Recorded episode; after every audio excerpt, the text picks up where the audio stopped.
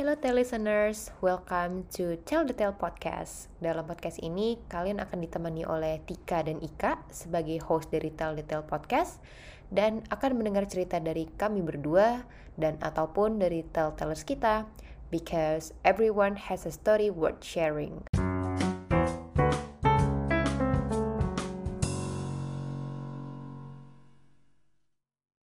Halo listeners, apa kabar? Kita ketemu lagi. Mbak Ika, apa kabar?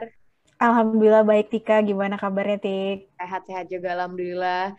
Ini kalau kalau tema seasonnya traveling tuh harus lebih cheerful gitu ya, walaupun sekarang agak ke pause dulu ya. Benar, agak banyak rencana-rencana yang harus tertunda ya. Betul, betul. Cuman nggak um, masalah karena kita bakalan ngajak um, tell-tellers kita untuk cerita pengalaman-pengalaman hmm. traveling yang sebelumnya atau kita kulik juga nih nextnya ada plan-plan apa aja biar nggak pada sedih. Hmm. karena dari cerita pun harusnya kita juga bisa ini ya bisa cheerful lagi ya sama cerita-cerita jalan-jalan ya. Setuju setuju. Oke okay, langsung aja kita sambut ada Bella. Hai Bella. Halo, halo Bella.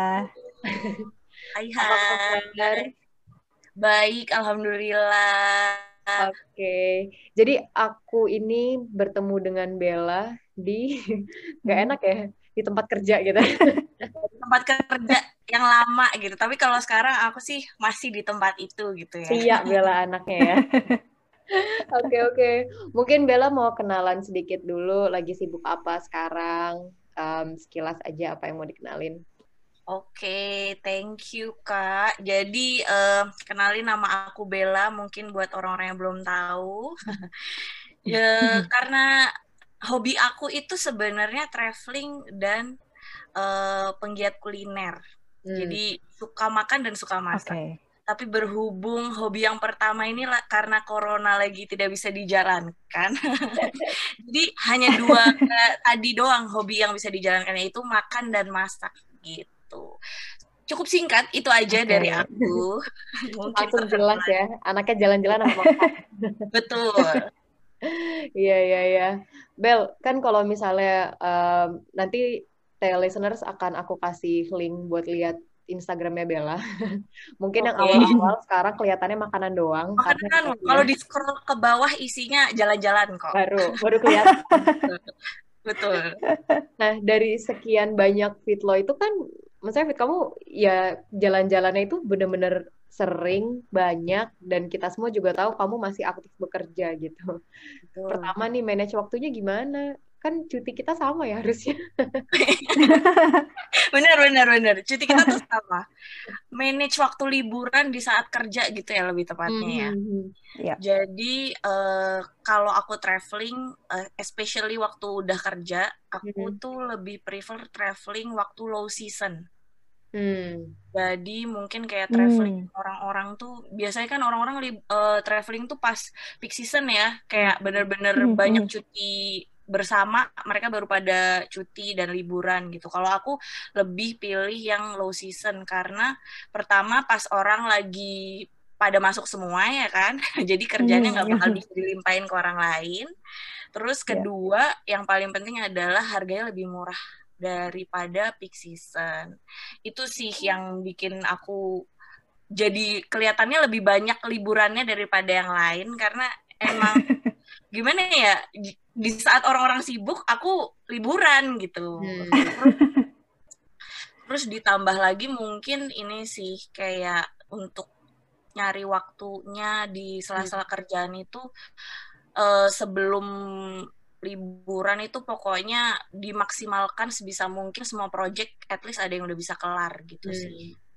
Oke. Okay. Jadi that's how you manage uh, traveling time yang paling hmm. tepat karena kebanyakan aku kan traveling keluar. Jadi kalau keluar itu sebisa mungkin aku nggak hmm. activate mobile data kan yang ada di Indo ya. Bisa cabut SIM card, ganti SIM card baru gitu. nah, karena hal susah banget untuk dihubungin sebisa mungkin kayak kerjaan udah harus hmm. bisa di handover dulu ke orang yang nanti aku hmm. tinggalin kerjaan itu sih. Sih. Sebenarnya itu yang part of hustle-nya orang-orang yang kadang kayak, aduh dulu males deh liburan jauh-jauh nanti mikirin ini itu ini itu hmm. gitu ya tapi kalau menurut aku tuh kayak itu part yang bikin serunya gitu kayak wah hmm. asik banget nih liburan jauh nggak ketemu orang-orang gitu kan ke sana baru gue nggak bakal dikontak dari hmm. ini ini gitu hmm. itu sih ya ya itu momen yang benar-benar nge-recharge energi banget lah ya soalnya ya. Betul, betul. Oke, oke. Kalau kita tanya udah ke berapa negara atau kota yang di luar Indonesia, kamu udah pernah menghitung belum? Eh, gue tuh kemarin buat listnya, Mantap. Bikin listnya tuh sampai kayak, duh udah ke mana aja ya gitu. Ternyata banyak juga loh, ternyata. Kalau enggak lu gak akan Boleh aku sebut nih. Boleh dong, harus. Jadi kalau negara itu kayaknya aku udah kurang lebih 24 negara itu udah aku kunjungi. Oh. Wow. Yang juga ya, gitu sebenarnya negara-negara ini negara-negara cukup cukup dekat gitu loh hmm. jarak-jaraknya antar hmm. hmm. negaranya. Gitu. Ya, ya, ya. Terus apalagi kalau Eropa gitu kan ya, tiba main vlog nah, ini udah nah. negara. Sekali jalan bisa langsung ke beberapa destinasi ya. Betul. Dan di sana kan enaknya ini ya, kayak visanya sama kayak kita kalau di Indo keluar kota aja gitu hmm. jaraknya deket-deket ya. Iya, dan yeah, harganya lumayan lah kalau okay. untuk benua gue perlu sebut benua juga gak sih? Boleh dong silahkan boleh. Benua kayaknya uh, udah empat benua ya. Yang belum mana nih berarti? Yang belum okay, kayaknya yang... Afrika deh. Afrika belum Rusia hmm. juga belum tuh. Oke. Okay. oh, belum? Okay. belum pengen okay. banget tapi kayaknya kalau nggak waktu dekat ya kayak empat tahun lagi nggak sih? Kayaknya baru bisa liburan keluar. Mudah-mudahan sih nggak selama itu ya mudah-mudahan ya tapi setuju banget sih tadi soal uh, strategi untuk liburan di kala low season. Karena kadang-kadang aku juga menerapkan strategi itu. Uh, ya jadi uh, apa benar karena lebih efisien secara cost dan uh, mungkin jadi kayak nggak istilahnya nggak apa ya. Jadi di saat orang-orang uh, tadi tuh di saat orang-orang liburan kan kita justru uh, kerja gitu ya. Maksudnya kita yang standby di kantor. Tapi di saat uh, orang-orang standby di kantor kita yang liburan. Jadi um, apa menurut aku itu Iya strategi yang memang efisien sih untuk untuk liburan dan uh, di biasanya di destinasi-destinasi yang kita tuju juga jadi relatif lebih nggak crowded gitu nggak sih ya kalau kalau kalau low season kan? Hmm. Itu bener banget sih yang kayak nggak crowded di tempat uh, negara tujuannya atau kayak tempat tujuan yang mau kita datengin. Kayak hmm, everyone hmm. uh, do their own usual day gitu kan, sedangkan kita di sana hmm. liburan gitu. Jadi ya yes. biar kelihatan tuh paling kelihatan banget turisnya nanti itu kita kalau jalan-jalan. Iya iya. Nah, Bel, jadi kenapa kok terus-terus mau liburan lagi, mau liburan lagi? Emang ada apa sih sama si traveling ini? Traveling tuh apa ya yang bikin pengen bolak-balik pengen traveling lagi tuh karena uh, ini sih kayak ada perasaan adrenaline rush gitu loh kalau mau traveling. Jadi yang paling pertama adre adrenaline rushnya itu adalah bikin itinerary. Nah itu tuh nomor satu. nomor satu. Dari situ udah itinerary. udah menarik soalnya di situ udah, udah exciting. Aduh mau ke mana ya mau ke mana ya. Nah kedua itu adrenaline rush ngumpulin duitnya. Nah itu tuh.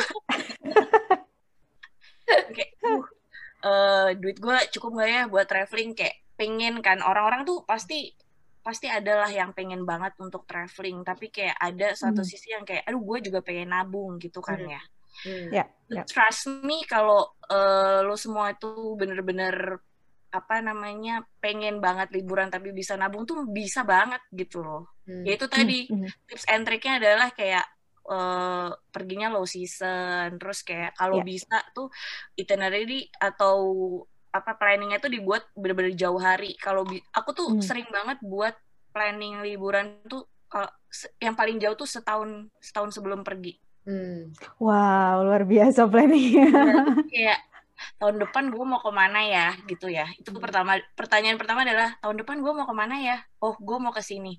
Terus lihat dulu jauhnya nenek-nenek kira-kira budgetnya dibutuhin berapa sih gitu ya. Kayak hmm, estimate okay. sekian gitu kan. Oke berarti gue harus nyisihin uang sekian gitu. Karena kan itu bukan my first priority ya kalau traveling itu kan. Jadi hmm. kayak memang harus disisain duitnya gitu first priority mesti memang harus nabung kayak gitu kan dan other spending. Yeah. Nah, itu tuh sih yang kayak bikin pengen goes back again to traveling more and more tuh karena kayak ada adrenaline rushnya setiap itu dan once kalau kita udah sampai di sananya itu yang kayak wah yang udah gue rencanain semua gue udah bisa ke sini kayak gitu loh terus yang lihat yang di foto yang bisa di Google Google tuh ya, ya banget, ya gue udah lihat di Google nih ih aslinya gitu kan. Itu rasanya kayak ya itu sih happy banget. Tapi sometimes ada yang kayak uh, pas nyampe terkejut juga lo kok nggak kayak di Google gitu kan. Ya, kayak Pasti gitu. ya ada momen-momen kayak gitu juga ya. Momen zong itu namanya momen zong kayak gitu. Iya iya iya. Gue gue relate banget sih Maksudnya kalau bikin itinerary kan ya source kita siapa lagi selain Mbak Google gitu kan, lihat blog-blog orang segala macam. Terus once emang udah nyampe sana, oh ini yang gue lihat di blog A B C D E muncul lagi gambarnya, muncul lagi gambarnya sekarang di mata sendiri alhamdulillah ya. ya itu sih, gitu sih bedanya. Lihat langsung. Tapi kalau tadi benar tuh yang di biasanya kan kita banyak melihatnya dari Google ya. Hmm. Tapi sebenarnya hmm. source of information yang benar-benar kita butuhin itu biasanya rekomendasi dari teman loh. Hmm. Betul, betul. Nomor satu sih menurut aku. Jadi kalau bisa cari temen yang misalkan udah pernah ke sana terus nanyain pengalamannya itu lebih berguna daripada kita cuma googling doang gitu kan karena mm -hmm. somehow hmm. kan uh, kalau temen kan uh, our circle yang benar-benar mungkin uh, kebiasaannya sama kan kayak kita mm-hmm. kayak gitu-gitu sih jadi kalau yang yeah. di Google kan biasanya kayak oh ya ininya bagus ininya bagus gitu tapi kita nggak tahu kayak di sana amankah jalannya terus orang-orangnya kayak mm. gimana kayak gitu-gitu sih Iya, iya, iya. Seru ya, banget ya. kan traveling itu. Aduh, jadi kangen, jadi pengen, jadi pengen tuh nih ngomongin kayak gini. Sabar, sabar. Kalau kalau di blog banyak di sugar coat ya. betul, betul, betul. Banyak sugar coat-nya. Nah, hmm. tapi dari dari tadi kan ada dua udah 24 negara ya yang udah pernah di uh, dikunjungin sama Bella. Nah, aku jadi penasaran sih, ada nggak yang maksudnya mungkin ada beberapa tempat yang uh, sampai saat ini masih menjadi destinasi favorit. Jadi kalau ada kesempatan pengen balik lagi tuh ke sana. Oh, ada banget. Itu kayak almost every places kayak pengen balik gitu ya. Hmm. Tapi ada mm -hmm. ya hitungan jari yang kayak kayak pengen banget balik ke sana terus gitu. Mungkin uh, ada dua yang pengen banget aku balik lagi dan lagi kalau bisa tinggal di sana juga nggak apa-apa gitu kan ya. Tapi kayak duitnya juga ambil nangis gitu deh kalau tinggal di sana. uh, yang pertama mungkin Paris sih, negara hmm. Prancis. Okay. Itu hmm, kayak hmm. aku pengen banget kalau bisa dan punya kesempatan kayak pengen banget balik lagi ke sana gitu loh. Mm-hmm. Dan yang kedua mungkin uh, eh, US di New York itu kayak aku pengen banget okay. balik lagi. Dari dua itu okay. kayak tempat yang bener-bener apa sih membuka mata aku ceritanya. Habis ke sana tuh langsung kayak ya ampun beda banget gitu kayak sambil ngelus dadak alhamdulillah ya Allah kayak gitu kan biasa kayak subhanallah masya Allah gitu kayak setiap tempat tuh kayak ter, apa sih namanya kagum lah ya setiap jejaknya. penuh dengan kekaguman ya. Betul betul. Oke. okay uh, apa yang paling menarik dari tadi kan ya, pasti pasti lah ya karena Paris dan New York itu juga mungkin uh, menjadi destinasi yang cukup banyak dikunjungin sama orang-orang yang senang traveling gitu. Tapi buat Bella pribadi apa sih yang paling uh, atraktif gitu dari dua tempat itu?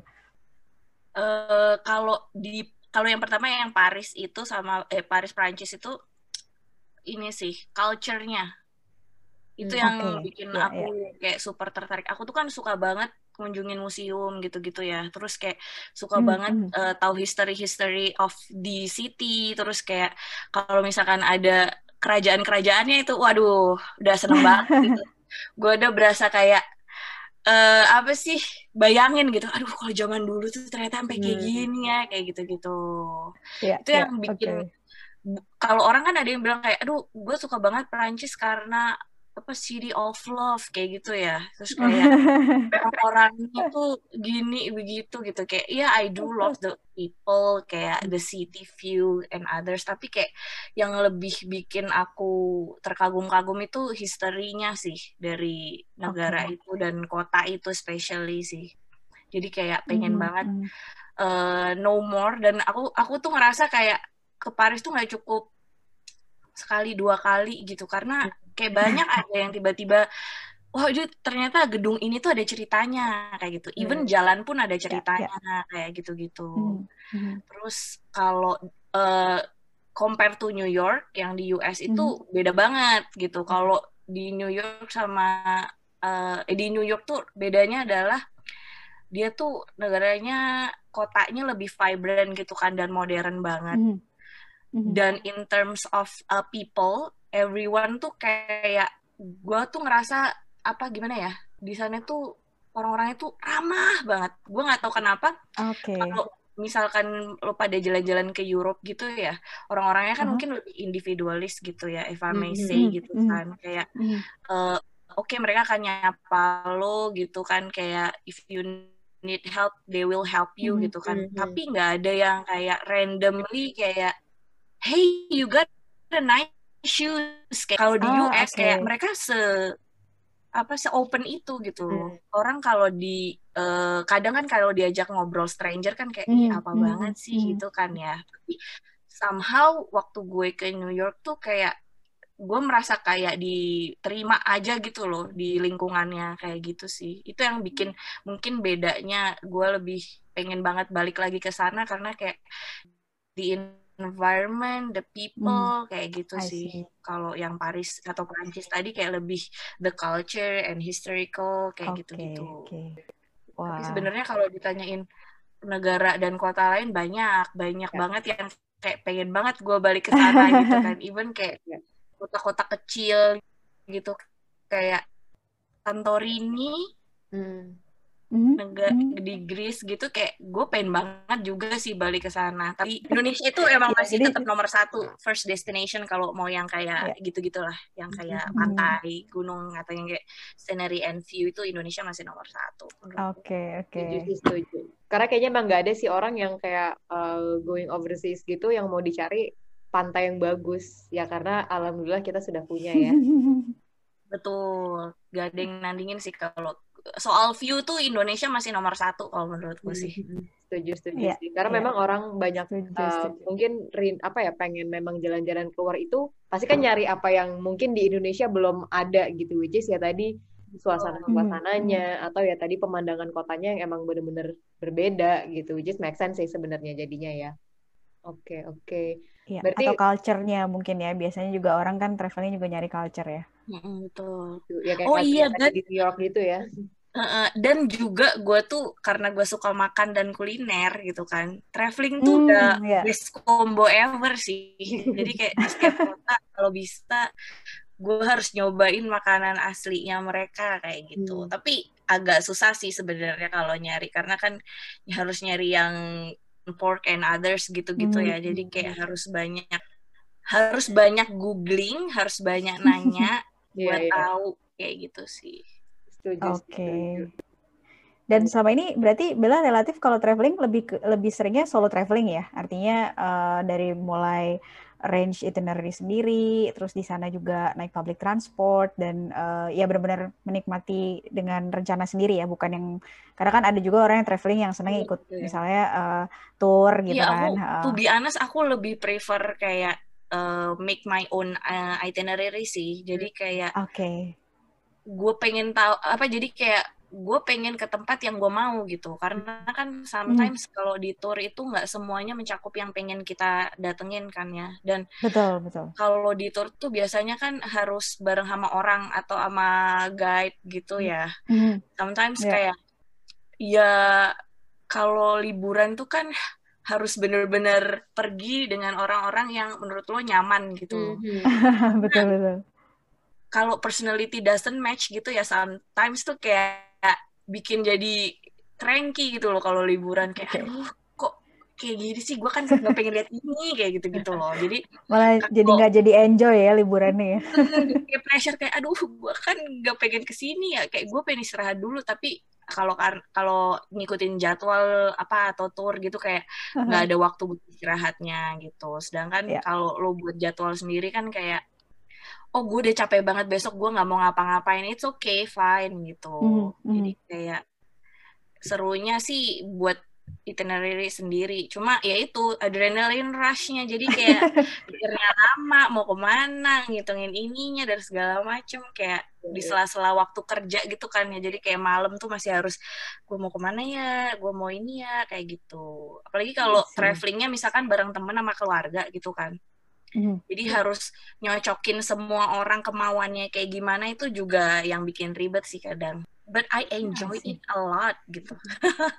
Banyak sih maksudnya dibilang adrenalin rush itu um, ya karena totalnya berbeda ya. Kalau misalnya kayak kita ikut tour mungkin memang ada orang-orang yang uh, gue emang udah tahu aja tempat yang mau dikunjungin sesuai sama si tour yang mau mereka ikutin gitu. Jadi nggak masalah juga cuman hmm. memang ada segelintir orang-orang mungkin yang kayak kita kita gini ya justru hmm. nyusunnya itu yang gue suka pasang-pasanginnya itu yang kita suka gitu kan ya hmm. Nah, kalau kita ngomongin yang kayak, pasti kan kalau lagi jalan-jalan ada aja ya kejadian lucu ya. Kayak dulu tuh aku sama Mbak Ika, ada nih yang paling gak pernah lupa, kita pas di Maroko sih. Maroko tuh kita kejadiannya aja tuh banyak banget yang, yang kita nggak bisa lupa. Di kamu ada nggak beberapa hal yang kayak, ini kocak sih kok gue bisa ngalamin kayak gini gitu. Atau yang nggak pernah dilupain lah. Aduh, apa ya pengalaman kocak mah kayaknya gue nggak tahu ya itu kocak apa enggak. Cuma mungkin lebih ke pengalaman yang bikin gue uh, teringat terus tuh waktu hmm. solo trip ke Stockholm. Hmm. Bener-bener sendirian gitu. Hmm. Terus uh, itu tiga tahun yang lalu ya kalau nggak salah. Terus hmm. gue gak tau kenapa kayaknya orang Asian tuh pasti bakal dikira mukanya kan kayak lebih younger ya daripada hmm. yang di sana gitu kan. Yeah, yeah. Kayaknya aku tuh dikira underage terus gitu loh waktu jalan di sana.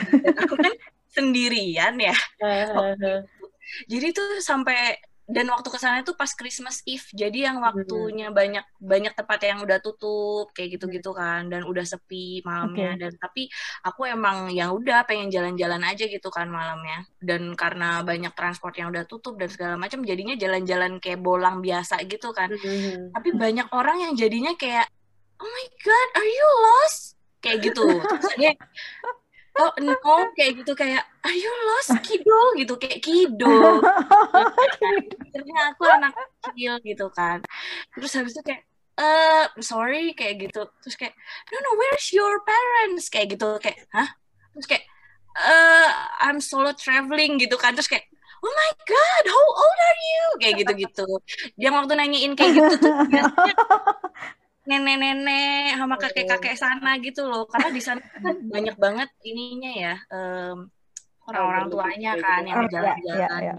Hmm. Terus mereka mungkin aneh gitu ngeliat kayak, aduh, aduh Christmas Eve harusnya kan di rumah gitu ya. kayak keluarga lah, ini orang kayak titik jalan sendirian gitu. Terus mana muka gue mungkin kelihatan kayak muka kagak tahu apa-apa gitu kan ya. itu ya menurut gue kayak ya ada senangnya sih yang kayak wah gue uh-huh. muda nih gitu kan. Seremnya adalah kayak wah gue bisa diculik nih jangan-jangan karena dilihat muka gue kayak anak-anak kayak gitu sih. Itu yang kayak kocaknya gitu. Dan itu baru pertama kali gue solo traveling kan. Dan gue okay, harus okay. nunjukin paspor ke mana-mana. Even gue ke restoran ya gue suruh nunjukin paspor Padahal hmm. gue bukan pesen yang maksudnya kayak oh, biasanya kan kalau lo di luar gitu ya mungkin hmm. harus nunjukin paspor kalau lo pesennya kayak wine or something gitu ya. Hmm. Gue nggak pesen yang kayak uh, gitu, gue pesen steak gitu ya. Tapi gue disuruh nunjukin pas, mungkin dikira gue kagak bisa bayar gitu kali ya.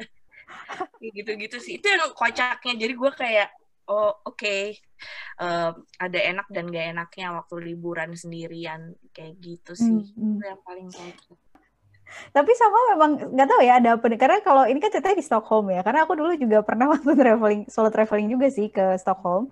Cuman ini waktu lagi beli tiket kereta. Jadi waktu mau beli tiket kereta uh, kan memang ya pasti kita udah mempelajari lah ya. Uh, karena aku juga tipe orang yang uh, kalau mau per bepergian tuh pasti aku udah udah survei lah harga-harga uh, tiket uh -huh. kereta dan sebagainya gitu. Jadi waktu itu udah udah tahu bahwa memang ada ada ada ada kayak harga yang beda gitu. Ada yang untuk di bawah 18 tahun atau 17 tahun gitu ya. Terus itu memang lebih murah kan biasanya buat young people gitu ya terus uh, ya aku belinya yang adult gitu kan. Terus jadi pas mau bayar terus dia bilang kayak uh, kayaknya kamu bisa nggak yang adult price deh. Terus dia nanya uh, kayak are you older than 17 gitu kan. Terus ya aku senyum aja.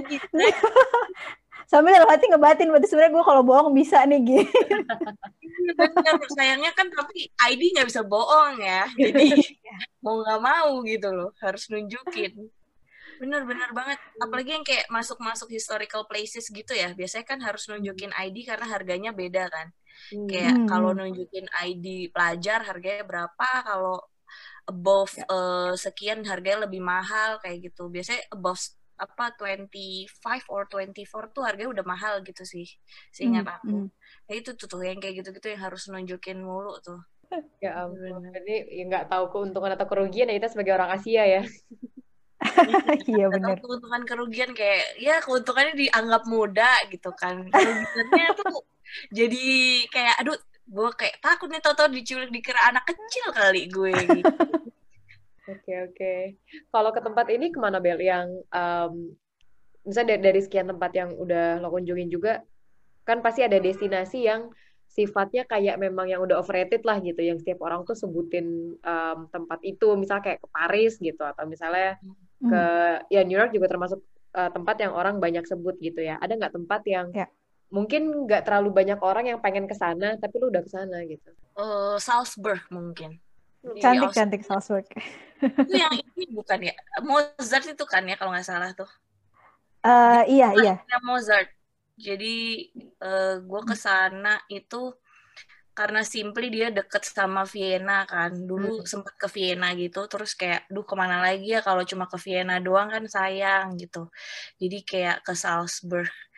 Gua oh dan dulu tuh ke Salzburg karena lihat pemandangannya waktu winter tuh.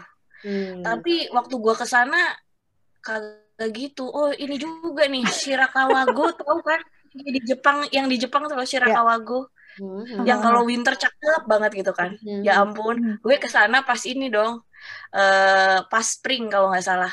Ya udah gersang aja gitu ngeliatnya udah kayak foto-foto. Beda banget tapi kayak ya kayak pergi ke puncak gitu loh jatuhnya.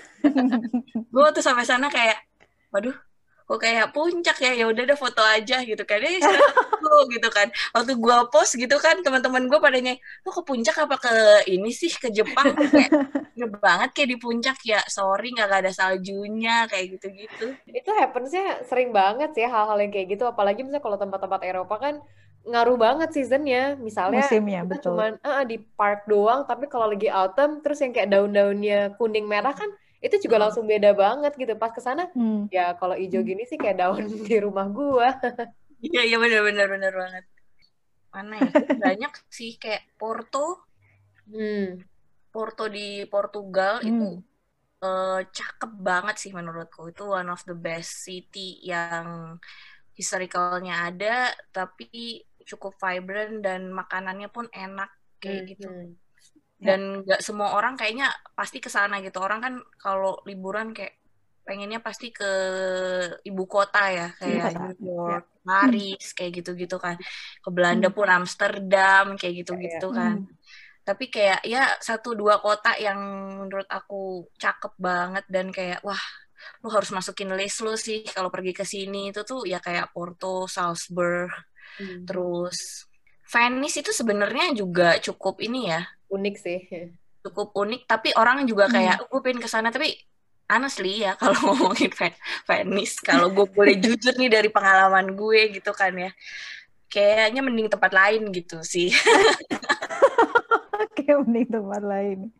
Iya kayak aduh sayang deh lu udah kalau ke sana tuh ya, kan karena kalau Italia memang uh, apa di kota-kotanya punya ciri khas masing-masing sih ya. Uh, uh, betul oh terus ini di Italia juga ada yang bagus sih kayak Verona mm-hmm. nah hmm. itu uh, tempatnya Romeo and Juliet gitu mm-hmm. jadi kayak okay.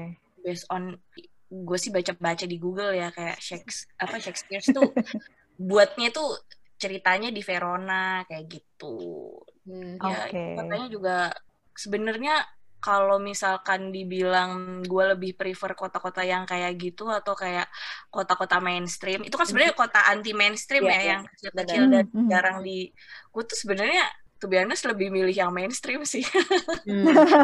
bukan anti mainstream kenapa soalnya Uh, mungkin karena it's traveling ya, jadi mm -hmm. transportasi sama akomodasi itu biasanya gue cari yang segampang mungkin yeah. gitu loh dijangkau yeah. dan hmm. I don't think kayak kota-kota yang kayak gitu banyak transportasinya gitu jadi ya.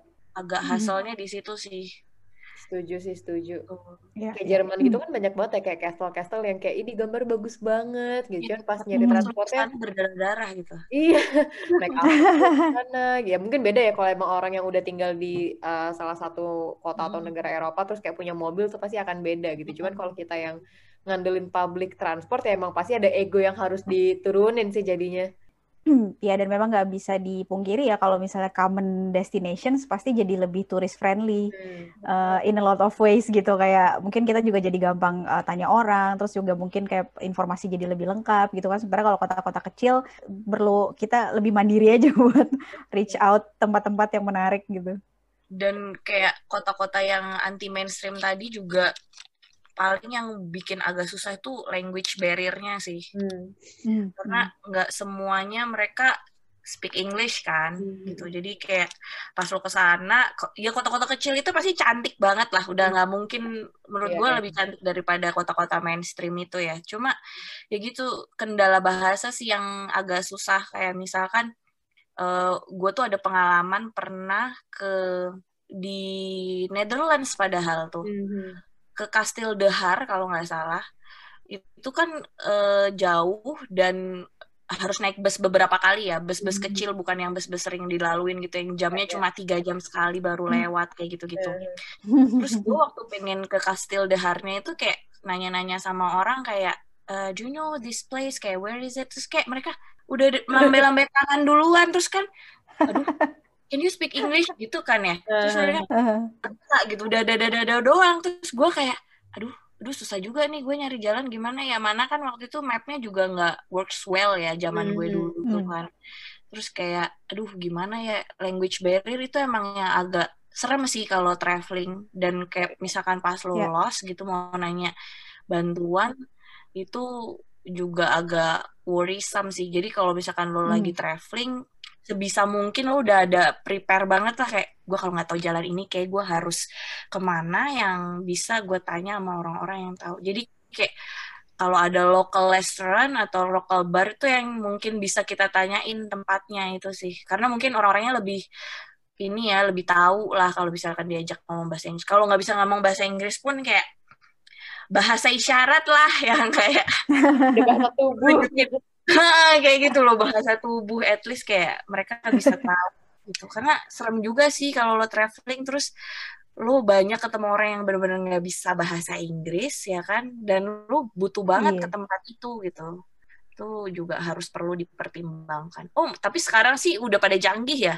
Udah banyak yang apa tuh namanya translator dengan HP ya, ya lo ngomong apa tuh? Ngomong dia ngomong bahasa kayak gitu-gitu tuh. Untungnya sih sekarang lebih canggih ya jadi kayak apa apa bisa ditranslate dan segala macam kalau lo pengen yang kayak du kalau dulu kalau ngomongin dulu sih kayak gue kagak kepa kagak kebayang ya yang kayak harus translatein dulu. Mungkin seharusnya gue bisa kali ya yang kayak gue buka Google Translate terus gue translate dulu gitu, kayak, terus gue kayak show gitu kayak this this this gitu yeah, kan ya. Uh. banget kalau panik kadang nggak kepikiran gitu sih. Iya iya iya. Oke. Okay. kalau destinasi yang belum kesampaian mau ke mana lagi nih yang lo juga belum pernah? Terus pokoknya next gue akan ke sini deh gitu. Ya hmm. itu yang awal tahun gue kagak jadi. Jadi tuh Maret harusnya kan gue ke US gitu ya, kan. tapi udah pernah kan ke New York hmm. sebelumnya? Udah tapi uh, eh, LA-nya gue belum California. Oh. Jadi hmm. destinasi gue tuh kan emang mau ke Kali gitu kan. Jadi hmm. kayak ke LA sama San Francisco gitu. Wah, hmm. itu gue udah ngebook dari tiket sampai penginapan itu udah goes back setahun yang lalu cuy. Ya. kayak even gue udah ready bulan September bahkan. Kayak gue udah tinggal jalan kayak ye gitu kan. Bahkan gue udah packing di Maret kemarin tuh gue bener-bener literally udah ngepack semua barang dan udah di koper gitu ya. Udah tinggal ditutup doang kopernya. Terus gue mikir lagi kayak wah gue pulang kagak balik sih kayaknya. Gue kayaknya bakal ditahan bukan di US-nya kayak gue ditahan di di mana kan antah berantah gitu ya. Kayak gitu sih. Itu soalnya banget yang ini uh, COVID di Indonesia kasus pertama deh kalau nggak salah. Itu semuanya langsung harus ini kan uh, work from home. kok gue ikutan sakit hati ya padahal bukan aku ya, yang mengalami tapi ya, tapi gue juga sedih banget nih jadinya kalau inget but it's okay kayak ya, ya. masih bisa jalan-jalan lagi pasti insya Allah iya mudah-mudahan situasi cepat membaik ya amin gitu oke okay, oke okay. suka dapet ini gak sih kayak pelajaran-pelajaran baru gitu kalau abis traveling Wah suka banget sih itu kayak banyak pelajaran hidup yang habis traveling yang bisa kita petik kayak gitu. Uh. Contohnya itu kayak gue tuh lebih banyak kan liburan sama saudara sama teman kan ya, mm-hmm. compare sama orang tua. Tapi gue pernah liburan sama orang tua gitu, terus lebih banyak kayak pelajaran yang bisa gue petik kalau perginya sama orang tua deh kayaknya. Karena kenapa tuh? Karena kalau sama orang tua kan lo harus nyesuaiin sama mereka ya. Kayak ya, ya, kalau ya. lo jalan-jalan sama temen atau saudara gitu kan kayak udah lo bablas aja kayak mau makanan yang apa itu itu mulu kan nggak apa-apa gitu. Kayak penginapannya lo yang di dormitory pun nggak masalah yang kayak satu kamar isi orang gitu kan ya. Nggak apa-apa yang penting budgetnya apa namanya budgetnya Masuk.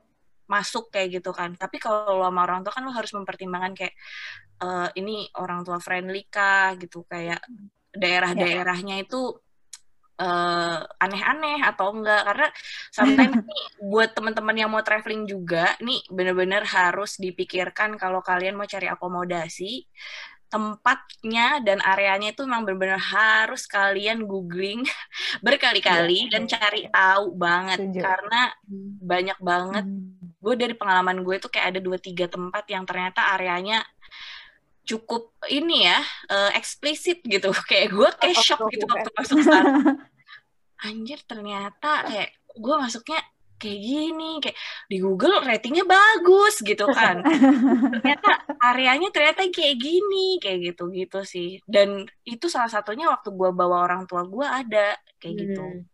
itu di daerah mana ya waktu gue ke Barcelona kalau nggak salah hmm. tuh pokoknya ada hmm. daerah yang ternyata kalau gue trace back lagi kayak gue tuh gak baru ngehnya itu waktu malam-malam gue pulang gue gue lupa banget daerahnya mana gue malam-malam waktu pulang tuh banyak orang-orang yang kayak bergerombol tapi cowok-cowok gitu yang kayak hmm. berdua-duaan dan tempatnya emang sepi gitu kan.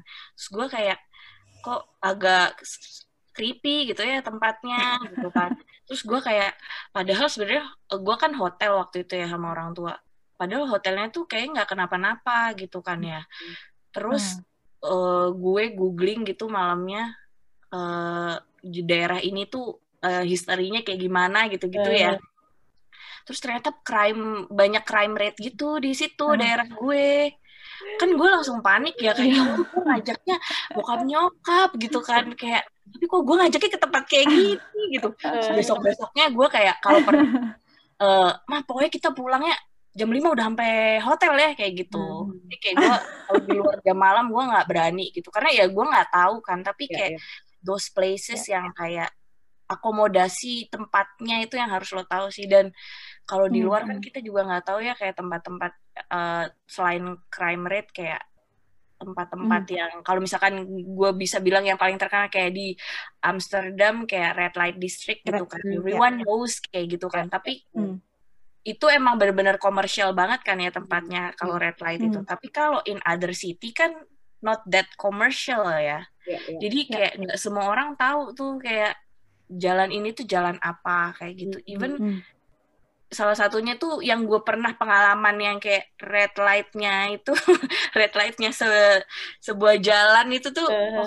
Thailand. Gitu gue nggak hmm. tahu kalau ternyata satu gang tempat gue itu tempat kayak red light. Gue shock banget. Surprise. Ya, gue langsung kayak wah ini banyak bisa dipetik dari semua perjalanan gue. Kayaknya gue meskipun gue udah mikirinnya jauh hari dan lama ternyata gue nggak boleh cuma nyari on apa masuk ke budget gue atau kayak gimana gue harus bener-bener hmm. tahu itu tempat aman nggak buat kita terus kayak dan ya apalagi buat kita yang para traveler gitu-gitu hmm. kan hmm. kayak safety first kan pasti hmm, hmm, yeah, karena yeah. kalau once you lost something kayak di negara orang kayak lu mau ngomong sama polisi pun masih harus ditranslate dulu kan kayak kalau panik kayak tolong dompet gue hilang tapi kayak harus ditranslate dulu aduh, aduh apa bahasa Inggrisnya kayak gitu-gitu kayak belum tentu mereka paham juga bahasa Inggris kayak gitu-gitu sih. Hmm, iya iya. Kayak selalu ini gak sih? Selalu ada kejutan gitu loh di setiap traveling. Ya, maksudnya hmm. kita pasti prepare yang sebaik mungkin lah gitu. Apalagi kalau pasti pasti aku sama Mbak Ika juga bisa relate banget sih kita juga beberapa kali travel selain bersama teman-teman yang lebih loose gitu kan yeah. kita sama-sama yeah. bertiga lah punya pengalaman kalau traveling sama orang tua yang orang tua pasti rely on ke kita kan soalnya. Jadi udah lu urus semuanya tapi ya lu bawa orang tua gitu. Kita juga pasti aware lah gitu. Iya. cuman yeah mau udah ngeplan seperfect apa pun ada aja kejutan-kejutan manisnya itu. Kejutan ada yang dong gitu kan ya. Ada yang kayak wah this is exceed my expectation gitu. Tapi biasanya exceed expectation tuh ya 5% out of 95% yang zong itu gitu dan lu tahu gak sih nggak tahu sih Mbak Ika sama Bella ngalamin juga tau nggak gue tiap kalau misalnya traveling lagi sama orang tua ya kan kita juga belum pernah ya ke tempat itu kecuali gue ngajak mereka ke Mastri gitu ya gue udah tahu lah lu mau ke mana-mana juga ekspektasinya kayak apa gitu. Cuman kalau ke tempat baru setiap ngelangkah ke tempat itu gue deg-degan misalnya deg-degan takut kayak aduh terjadi apa ya? Atau kayak aduh mereka suka nggak ya? gitu. Atau ya, betul. iya kayak aduh ya. jalannya ternyata jauh gue mereka capek nggak ya? gitu. Itu makanya kadang-kadang emang tetap perlu sih traveling yang emang solo traveling atau yang memang ya nggak ada beban aja gitu kan. Itu yang hmm, tadi lo bilang kayak aduh mereka ini kuat nggak ya jalannya? Itu ya kayak itu kayaknya yang doa gue tiap uh, ini sih kalau traveling sama orang tua gue kayak semoga mereka komen semoga mereka nggak nggak ngeluh kalau ini ini gitu. Tapi in fact ternyata nggak begitu gitu loh. Kayak justru yang gue takutin emang kejadian gitu. Kayak oh, ternyata mereka capek jalan gini. Gue tuh kan kayak ngajak uh, pernah gue ngajak orang tua gue ke Paris gitu kan. Mm-hmm. terus gue itu uh, ya karena gue biasanya ke mana-mana naiknya metro gitu kan ya. Jadi gue pikir kayak ya bisalah nyokap bokap gue gitu kan ya. Gue juga jarinya jalannya kagak jauh-jauh gitu kan. Hmm. terus ternyata kan di tapi kan memang di metro yang di Paris itu kan emang panjang banget ya kebanyakan jalan dari bawahnya terus ke atas dan ke mananya dari metro to metro tuh jauh gitu. Nggak kayak kalau di Belanda kan deket-deket ya antar platformnya kan. Kalau di Paris tuh kan jauh. Mereka dari platform to platform aja udah yang kayak nah masih jauh nggak? Itu udah nightmare sih buat gue kalau udah jauh nggak? Gue kayak aduh mama maaf ya kalau kayak gini. Terus kayak besoknya gue ajak naik taksi gitu kan. Kan tapi boncos juga ya bu kadang ya, ya gue kadang kayak masih mikir-mikir. Jadi kayak kalau liburan sama orang tua ya itu sih kayak lu kudu prepare banget kayak hmm. kalau plan A hmm, nggak hmm. jalan, plan B gimana. Sedangkan kalau sama temen lo bisa spontan gitu kan. Iya, yeah, yeah. betul, setuju kalau iya kalau aku juga ngalamin sih sebenarnya. Cuma waktu dulu karena gini kalau mungkin uh, ya Tika sama Bella pasti tahu juga lah ya kalau karena khususnya di Jerman itu kan ada kayak kalau hotel-hotel yang kayak bintang tiga gitu kan ada yang banyak cukup banyak yang nggak ada liftnya kan? Iya. Betul. Nah itu tuh aku sampai benar-benar kalau pasti kalau bikin itinerary sama orang tua tuh pasti aku benar-benar make sure nih harus harus ada liftnya. Kalau nggak uh, nanti pasti apa ya uh, orang tua pasti nanya ini kita bawa barang tapi naik tangga. Gitu. Itu udah kayak langsung ngerasa bersalah gitu. Gue ada ada tuh pengalaman yang kayak gitu tuh waktu gue ke Edinburgh di UK gue ngajak nyokap gue kan sama kakak hmm. gitu kan gue sama hmm. kakak biasanya emang liburan ya udahlah hajar gitu kan ya hmm. terus gue lupa kan kalau gue tuh nggak tahu kalau ternyata kamar gue itu tuh di lantai tiga jadi terus gue pikir kan kayak eh ada lift lah gitu kan. Yeah. gue sebenarnya nggak ngecek itu dia lantai berapa atau apa. Pokoknya gue lihat ratingnya bagus dan segala macem aman mm. daerahnya gitu ya. Terus abis uh. itu pas sampai sana oke okay, your room is in the third floor gitu. Terus kayak hah? Oh oke okay, kayak gitu. Gue bawa kan ya lu pasti tahu ya kalau orang-orang ini kalau travel kan kayak kopernya udah yang paling gede ukurannya itu kan. Gue bawa tiga tiap orang satu lo bayangin. Terus kayak iya kamu di lantai tiga. Terus kayak hah barang gue? Kayak ada nggak? Lu ada lift koper? Kayak gue nggak usah masuk deh lift lo yang penting koper gue naik gitu. Terus gue bener-bener motong-motong tuh koper sampai lantai tiga. Terus uh, awalnya mak gue mau bantuin gitu kan ya. Hmm. terus habis itu gue yang kayak nah mama nggak kuat. Mama nggak usah udah udah. Kayak aduh gue bersalah banget bener. Ini gue udah parah banget nih mak gue harus melihat anak-anaknya gitu kan bawa atas gitu kan. Terus mak gue mau bantuin gue juga makin gak enak gitu iya kan. karena gue tuh nyampainya kan pagi harusnya hmm. tuh kan gue langsung jalan dong siangnya sorenya. Kagak gue keluarnya baru malam karena gue capek. Naik tiga lantai itu yang bawa tiga koper itu. Jadi kayak pengalaman yang sangat tidak terlupakan belum lagi pas mau balik ya Allah nurunin lagi kopernya iya. parah kalau balik sih sebenarnya agak mendingan ya. Gue masih bisa kayak gue slide gitu loh uh, dari iya iya karena turun ya. gue kayak ya gini aja. Eh, kamu tangkap ya di bawah kayak gitu. Gue paling cuma kayak lo tunggu di bawah gue di atas gue turunin. Lo yang nangkep di bawah. Oke oke oke kayak gitu. Tapi kalau naik sih cuy wah sumpah itu udah kayak sih. one of hell mungkin kita banyak yang nggak nyangka sih kayak mikirnya ya udahlah hotel ya nggak bagus-bagus banget oke okay lah gitu tapi ternyata nggak ada hmm. lift gitu ya itu kan dan ternyata banyak di Eropa yang kayak gitu ya, banget ya. banget aduh ini lucu ya ternyata kita ada incumbent-nya nih pengalamannya traveling bersama orang tua ya Oke oke, gak berasa udah lebih dari setengah jam. Wow, udah sejam deh kayaknya kita. Iya, emang kalau denger cerita traveling tuh kayaknya rasanya nggak habis-habis ya. Kayak pengen terus diobrolin bareng gitu. Bener-bener. Aku sih sukanya karena kalau ngomongin traveling tuh ada aja halnya kecil aja gitu. Cuman nggak tahu kenapa itu hmm. kita nggak bisa lupa dan ya lo nggak akan dapet pengalaman itu kalau lagi nggak traveling gitu loh. Jadi sama ada habisnya sih ceritanya. Oke oke, kalau gitu Bel, thank you banget atas waktunya. Terima kasih banyak Bella udah cerita-cerita bareng aku seneng banget jadi bisa cerita lagi tentang traveling meskipun nggak traveling beneran ya. jadi feeling nostalgic gitu ya. That's why gue pengen traveling lagi kayak gitu sih. Karena kayak habis traveling lo pasti ada something you want to tell tuh gitu lo nanti. Banget, sih. iya banget, hmm. iya banget. Hmm. Hmm. Setuju banget. Setuju. Oke. Okay. Um, semoga kita semua bisa kembali travel lagi ya. Jadi uh, feed feed mm-hmm. Instagram kita udah mulai ke fulfill lagi sama jalan-jalan. Nggak throwback throwback terus ya Tik ya. Betul hashtag throwback gitu ya. Hashtag throwback atau menu makanan kan kalau kita ya. Oke okay, kalau gitu sukses terus. Um, sehat-sehat semua juga. Jadi ya rencana-rencananya ke pending udah bisa langsung kita jalani lagi ya. Uh, terima kasih banyak Bella, uh, sukses juga buat uh, pekerjaannya, karirnya, dan semoga bisa cepat traveling lagi kita semua. Mungkin jangan kita nanti bisa traveling bareng someday. mau banget, mau banget. Oke, baiklah kalau gitu untuk listeners semoga uh, langsung tergugah juga untuk pengen langsung jalan-jalan hmm. lagi. Tadi beberapa tips and trick dari Bella juga udah bisa dipakai ya jadi nabung yes. dulu, direncanain dulu. Itu cobain deh adrenalin rush bikin itinerary itu it's real tuh buat kita seru, seru. kita udah udah ngalamin semua ya, bikin-bikin kayak gitu seru banget. Terus tadi kebetulan ada tambahan tips and trick karena kita bertiga sama-sama suka traveling dengan membawa orang tua dan kita sebagai travel agent ya.